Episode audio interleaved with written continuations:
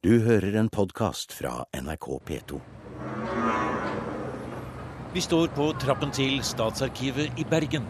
Midt i lyden fra rivearbeider og tung bytrafikk. Vi skal straks dykke inn i medisinhistorien. Men først tar vi et lite blikk rundt oss. For her er vi virkelig på historisk grunn, sier statsarkivar Yngve Nedrebø. Det er helt riktig. Vi befinner oss ved foten av Ulriken. Og eh, her er det at eh, vi vet at eh, sivilisasjonen i Bergen for så vidt begynte. Det var akkurat på Årstad, som da har navnet sitt fra Ulriken, at man ryddet det som ble Bergen seinere. Mm. Og for et fantastisk hus vi står på trappa til nå. Man skulle tro det var et gammelt kloster, men det er jo ikke det. Nei, men det er mange som tror det. fordi at uh, Da Egil Reimers uh, i sin tid uh, tegnet ut dette bygget, så kom han fra restaureringen av Selje kloster. Og det gamle statsarkivet det lå på klosteret i Bergen. Slik at han hadde to bjeller som ringte når han begynte å tegne dette ut. Og han fikk lov til å boltre seg fritt, og han var meget godt fornøyd med resultatet. Ja, la oss gå inn i Statsarkivet her, Nedrebø. Nå, nå, lukker vi opp døra her. Vi kommer oss inn i gangen, og med en gang blir vi møtt av en nær sagt en, en, ja, en middelalderstemning, har jeg nær sagt. Altså, det er søyler, det er latinske sitater, det er malerier, utsmykninger. Et flott stengulv som vi går på her. Hva er det vi står og ser i en flott nisje der? Nå har vi Sankt Sunniva rett foran oss. Det er da Vestlandets eh, skytshelgen. Og eh, hun eh, kom jo nettopp fra Selje kloster, der Reimers hadde vært og restaurert. Og hun var jo da også Bergens skytshelgen. Så derfor står hun her og vokter på oss. Så går vi opp en liten trapp til, og her kommer vi til det som i grunnen har ført oss hit akkurat i dag. Her står det et diplom på veggen. Det står det i atelierarkivene i Bergen hvor Statsarkivet er med, eh, har da fått dette diplomet 24.10.2001 fra Unesco som en del av eh, Memory of the World, verdens hukommelse. Mm. Lepra-arkivet, ja. Et par ord om det, Nedrebø. Hva er egentlig Lepra-arkivet? Vi har hørt om St. Jørgens hospital, hvor de spedalske, eller de som hadde sykdommen, leprasykdommen, var. Men arkivet, hva er det? Ja, vi eh, har eh, ca. 50 hyllemeter med arkivsaker som gjelder eh, disse leperarkivene. St. Jørgen, som du nevner, det var den eldste institusjonen. Den er kjent tilbake til middelalderen. Og der ligger eh, det som er bevart av arkiver, i Bergen byarkiv. Så har vi den statlige delen av dette, og det var da i og for seg noe som skjedde midt på 1800-tallet. Og vi fikk eh, i Bergen på 1840-tallet, eh, og vi fikk Pleiestiftelsen i 1863. Og det er disse arkivene som nå ligger her hos oss, sammen med arkivet til overlegen for den spedalske sykdom, som da blir ansatt eh, av staten for å føre tilsyn med alle spedalske i hele Norge. Var det Armager Hansen? Armager Hansen satt i, i den eh, stillingen, men først to år etter at han hadde gjort sin store oppdagelse. Ja, la oss gå inn og se på arkivene. Vi, jeg vet de finnes like ved her.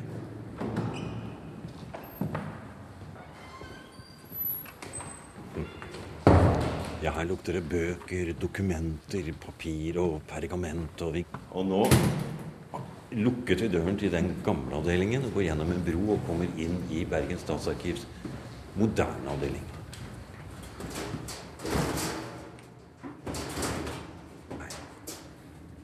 Her står hyllemeter på hyllemeter med Lepra-arkivet. Forklar litt hva som er i disse eh, boksene som står her. Ja, Det første vi står ved her, det er arkivet etter overlegen for den spedalske sykdom. Det var da en, denne nasjonale legestillingen. Den ble opprettet i 1854, og første innehaver het Ove Gullberg Høeg og satt i Trondheim. Han eh, etablerte et landsdekkende eh, register i 1856, eh, som da er det første eh, nasjonale eh, helseregisteret i verden. Det som er det grensesprengende her er det at han etablerer et register for å kartlegge sykdomshistorien til hver eneste pasient. Og det er i og for seg viktig som arkiv, men det er enda viktigere som grunnlag for, for forskning. Fordi at Problemet i 1850-årene det var det at man ikke visste hvordan denne sykdommen bredte seg. Og Det man hadde gjort av kartlegginger, viste at uh, tallet på pasienter, uh, tilsynelatende i hvert fall, var kraftig økende. Hvor uh, høyt tall er det vi snakker om der? Midt på 1800-tallet? Spedalske, for å bruke det uttrykket? Ja, i Norge så regner vi med at eller statistikken forteller om i overkant av 3000 pasienter. Og eh, det var ingen sykdom som var spredt jevnt utover. Dette var en sykdom som var konsentrert til visse områder, spesielt på Vestlandet. Og bortsett fra Norge så var sykdommen utryddet i Europa, bortsett fra Island, og bortsett fra noen små, eh, relativt isolerte områder sør i Europa. Og, ja, ja, Finnes det tilsvarende arkiver på de andre stedene, eller, eller, er det nettopp det som gjør det så unikt at eh, det er bare her de er? Ja, i hvert fall finnes den her i en grad som den ikke finnes andre steder. Eh, og det skyldes jo bl.a. det at dispedalske de spedalske vel var regnet som de levende døde. At dette var mennesker som ble utstøtt fra samfunnet. Den normale måten å behandle de på var å sende de til eh, ellers øde øyer, hvor de fikk greie seg sjøl og ta hånd om sin sykdom og begrave seg sjøl. Denne holdningen ser vi da for så vidt ikke i Bergen eller på Vestlandet på, på 1700-tallet.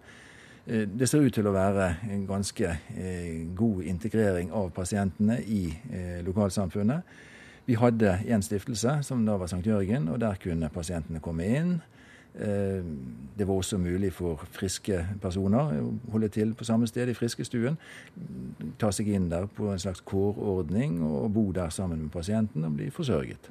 Sånn at redselen blant alminnelige mennesker for eh, de spedalske synes å ha vært fraværende på Vestlandet på 1700-tallet.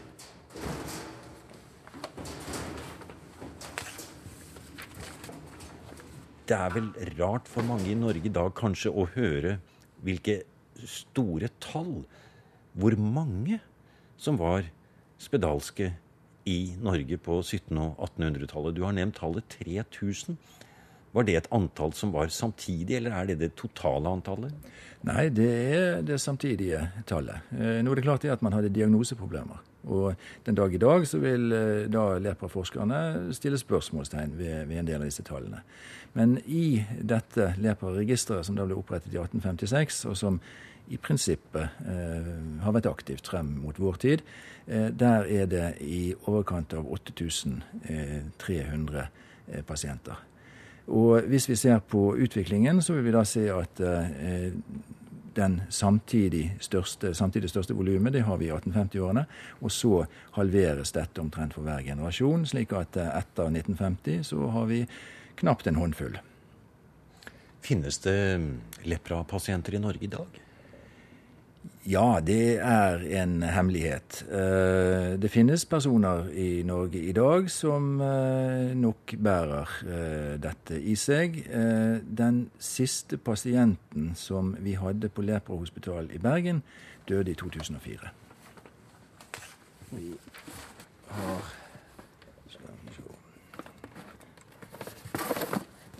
Søknader om å Søknader om å få komme inn. Håndskrevne. Ja. Plass for den spedalske gutt Andreas Johannes Henriksen, 11 år gammel. Statsarkivar Yngve Nedrebø har studert leprahistorien og arkivet inngående. Og det er fascinerende å høre ham bla bokstavelig talt i verdens hukommelse og lese fra de forskjellige protokollene han henter fram fra 1800-tallet. Det er en kolonne her hvor det står 'helbredet'. Det står altså 'helbredet død'. Og så står det Hva står det der? Med tillatelse. Med tillatelse? Altså har, har fått demittert uh, ifra Ja, har utgått med tillatelse. Ja. Og uten tillatelse. Stemmer. De har rømt. Og vi ser nedover ja, de har rømt, ja. Vi ser nedover i kolonnen 'helbredet'. Ingenting. Og så kommer det en anmerkning som er strøket ut igjen. Det er riktig, for han, eh, han var ikke helbredet. Han var for et eh, Ja. Nei, det er jo det er et drama som ligger i disse tallene. Ja, det er riktig. Det var, det var nok en ganske sterk motstand mot uh, det å bli, bli, innlagt fra enkelte side. Mm. Og det vi da også kan, kan uh, se, er jo det at uh, disse som, som, rømte, de var til dels godt voksne mennesker. Mm. De er 79 og 70 år gamle. Ja, der står alderen, ja. ja. ja vi ser at etter at Unesco tok opp Lepra-arkivet i Bergen på sin liste over verdens hukommelse, har Statsarkivet og Bymuseet i Bergen sørget for at alle pasientjournaler og opptegnelser nå er tilgjengelig i en digital database, som man lett finner fram til via Statsarkivet eller Bymuseets hjemmesider. Og nettopp Bymuseet er jo en viktig medspiller for Lepra-arkivet, siden St. Jørgens hospital nå er en integrert del av Bymuseet i Bergen. Utstillingsleder Sigurd Sandmo har arbeidet i mange år med den internasjonale lepra-historien. Og nå henter han fram papirene fra en stor medisinsk kongress som fant sted i Bergen i 1909. Selve, selve lepraforskningen ble internasjonalisert, kan man si, på 1880-90-tallet. Eh, og den første internasjonale leprokongressen ble holdt i Berlin i 1897. Og den andre ble utrolig nok holdt i, eh, i Bergen i, i 1909, som på den tiden jo var et, fremdeles et stort sentrum for for lepraforskning. I hvert fall hadde det vært det. Og Bergen så tilbake på en, en gullalder. Altså, i, eh, i, Berlin i 1897 så eh, eh, vedtok eh, Kongressen uttalelser som erklærte det norske lepraarbeidet eh, for et forbilde for, for, andre land. Så det er her det skjer. Det er her eh, Arme Hansen virkelig får gjennomslag for sine eh, smitteteorier og for sin isolasjonspolitikk som var drevet gjennom i Norge. Eh, I mange land så fikk jo dette redselsfulle konsekvenser, vet vi i dag. Gikk, eh, altså, man fikk en, en, rekke nye, store isolasjonstiltak på, på verdensbasis. Det er jo mange i dag som har lest Victoria Hislops uh, The Island, øya på norsk. 150 000 norske eksemplarer solgt. Og den handler om denne øyen utenfor Kreta, Spinalonga, som jo er et av disse stedene som blir etablert i, i etterkant av dette.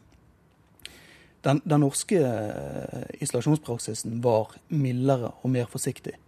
Men disse dramatiske eh, tiltakene og grove krenkelsene av menneskerettigheter vil man si i dag, eh, de skjedde også som en direkte konsekvens av disse smittedebattene rundt århundreskiftet. Mm.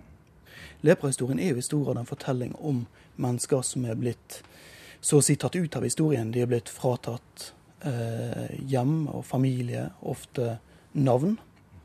Mange steder i verden så har de blitt eh, fratatt familienavn og identitet på alle måter. De er slettet fra, fra registeret, eh, og de er ført ut i, i, glemselen på mange forskjellige måter. Eh, når vi fikk dette arkivet inn på Unescos program for verdenshukommelse, Eh, og har hatt muligheten til å snakke om dette arkivet i internasjonale sammenhenger, så ser vi også at det har en kolossal verdi rett og slett bare fordi det er tatt vare på. At det fins. Mer enn hva det er som egentlig står her. At denne historien har en status et sted i verden. At den er tatt vare på. At den er skrevet inn som en del av en norsk historie som vi bruker midler og ressurser på å forvalte, og som gir en egen status. Så Derfor så går også ivaretagelsen av lepraarkivene som drives bl.a. her på Statsarkivet, rett inn i en sånn global menneskerettighetsproblematikk som, som har vokst veldig innenfor lepraarbeidet de siste par årene. Og lepraarkivene er også et, eh, eller leprahistorien er også et, eh, et veldig spennende blikk over skulderen for eh, det moderne Norge. da. På mange måter kan man jo si at det avspeiler en, en, en norsk fattigdomshistorie. Men det er noe mer her. sant? Det er det er kanskje noen, noen mer universelle ting som også eh, griper oss i denne historien. Men også den, den, den har jo relevans altså bare for noen, noen, par generasjoner siden. og Derfor så opplever vi også at jo mer vi snakker om de sosiale eh, dette som, som nær forhistorie, jo flere kommer det også på, på døren til oss på, på Lepra-museet, og sikkert også her på Statsarkivet, og leter etter disse historiene i familiene som de aldri har skjønt. Disse historiene om en, en grandtante eller en bestemor som, som, var syk, eller som var i Bergen, eller som, de, som, det aldri ble snakket om. Og så ringer de gjerne til oss og spør kunne det være eh, kunne det være lepra. Og nesten alltid så finner vi de historiene i våre arkiver.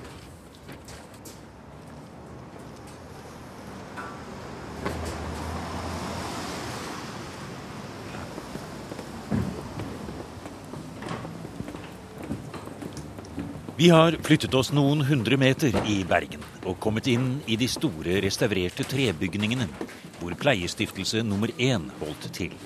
Dette bygget sto ferdig i 1857, og på det tidspunktet var det tre leprasykehus i Bergen, medregnet St. Jørgens. Også i Molde var det et leprasykehus, og Reitgjerdet i Trondheim ble opprinnelig bygget for dette formålet. En voldsom satsing på én bestemt sykdom, sier professor i forebyggende medisin, Lorentz M. Irgens. Ja, og Når man tenker på at Norge på den tiden var faktisk Europas fattigste land, så er det jo utrolig å se hvordan Norge mobiliserte den tiden, på den tiden for å løse et alvorlig helseproblem. Jeg tror dette her var en enestående satsing av det norske helsevesen mot en sykdom som du aldri har sett senere. Altså, det, det er den eneste gang vi i Norge har opprettet et eget forskningssykehus for en sykdom. Ja, hvor, hvorfor skjedde det akkurat da, og hva var det som gjorde at det fikk sånn voldsom kraft i det? Fordi dette var en sykdom som var i forekomstene isolert til noen få geografiske steder, egentlig. Ja, Det er jo et interessant spørsmål, og det er nok mange svar på det. Det siste du sa, det var isolert til visse deler av Norge, men, men, du skal ikke se bort fra ett forhold, nemlig at det ble beskrevet visse tilfeller i nærheten av Kristiania. Og da Stortinget oppdaget at dette var en sykdom som også begynte å, å, å eh, affisere andre deler av landet, og ganske spesielt eh, Østlandet, så kom det fart i saker og ting. Man hadde ingen kur for det. Man ble ikke hentet inn for å bli kurert og så ut i samfunnet igjen. Men man ønsket altså å hente inn de syke og oppbevare dem på statens regning. Ja, og så kan du spørre hvorfor gjorde man det? Og når man da trodde at dette var en arvelig sykdom. For det trodde man nemlig på den tiden da dette sykehuset ble opprettet. Og jeg tror jo at en hovedbegrunnelse for at de gjorde det, var faktisk det at de så at her var det et enormt pleieproblem. Det var et enormt behov for pleie for pasienter eller innbyggere i dette landet som hadde det forferdelig dårlig. Ehm, begrunnelsen for å lage disse institusjonene var nemlig til å begynne med at de skulle seksuelt isoleres fordi de trodde det var en arvelig sykdom. Men det var da altså en hypotese som stortingsrepresentantene ikke hadde noe særlig tro på. Ehm, og etter at Amro Hansen oppdaget basillen og det, man fikk gjennomslag for at dette var en smittsom sykdom, så forandret jo hele begrunnelsen for eh, det å, å, å samle pasientene på sykehuset fullstendig. Er eh, lepra eller spedalskhet er det en alvorlig og utbredt eh, sykdom i dag? Og nær sagt, hvorfor er den ikke utryddet? Ja, Det er jo et paradoks. for Verdens helseorganisasjon trodde jo at denne sykdommen den sto jo på listen over disse sykdommene som skulle utryddes ved årtusenskiftet. Mm. Og de fleste av oss som hadde noe kjennskap til sykdommen, oppfattet jo det som litt naivt. Men, men um, antallet nye tilfeller har ikke falt, blitt redusert så mye som Langt fra så mye som man hadde trodd i utgangspunktet. Det er fremdeles ca. 200 000 nye tilfeller per år. Og det er ganske mye. På verdensbasis. På verdensbasis. Ja. Eh, I den sammenhengen, Irgens, eh, finnes det nye tilfeller i Norge? Nei, det finnes ikke nye. Altså De, de tilfellene som vi får i Norge i dag, er kun uh, blant uh, immigranter. Så det, det, har ikke vært registrert nye tilfeller i Norge etter 1950. Og den viktigste årsaken til at vi ikke tror at det kan bli noen ny lepraepidemi i Norge, er at disse tilleggsfaktorene som er nødvendige for å bli syk, i tillegg til at man må være smittet, ikke eksisterer i Norge i dag. Og den viktigste tilleggsfaktoren som vi har eh, kartlagt når det gjelder eh, lepra, er proteinunderernæring. Den norske befolkning på 1850-tallet var i en alvorlig proteinunderernæringssituasjon. og Det betydde da at deres immunstatus, altså deres muligheter til å beskytte seg mot sykdommen, var vesentlig redusert i forhold til det vi er i dag. Så det betyr for oss i dag at vi kan godt bli smittet av sykdommen, men vi blir ikke syke. Og det skyldes da disse tilleggsfaktorene som ikke er til stede hos nordmenn i dag. Men skal vi da gå inn? Da går vi inn. I Armaver Hansens minnerom har vi kommet frem til her nå. Det var her han hadde sitt kontor. altså. Er det autentisk her, på dette stedet i bygningen?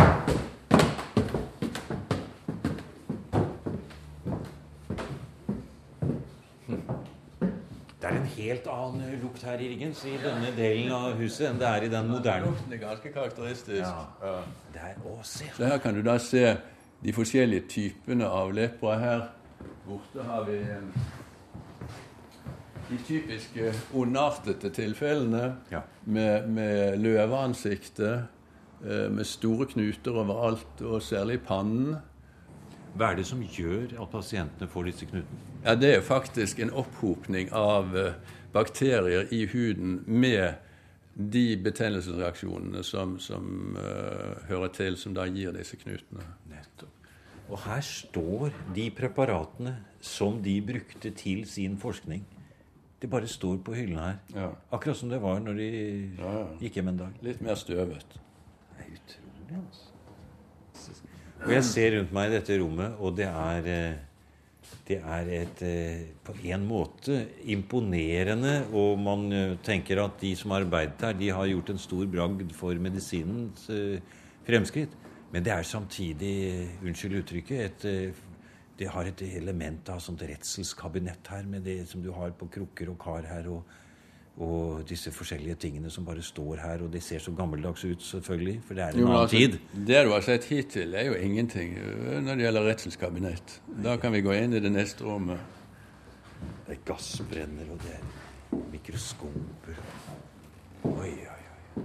Dette er selve kontoret hans. Hittil har vi da vært i laboratoriet, men nå går vi inn i selve kontoret. Og der ser du bl.a. en hylle hvor det er en hel del anatomiske preparater som du kanskje har lyst til å se litt nærmere på. Skal vi gå litt bort her?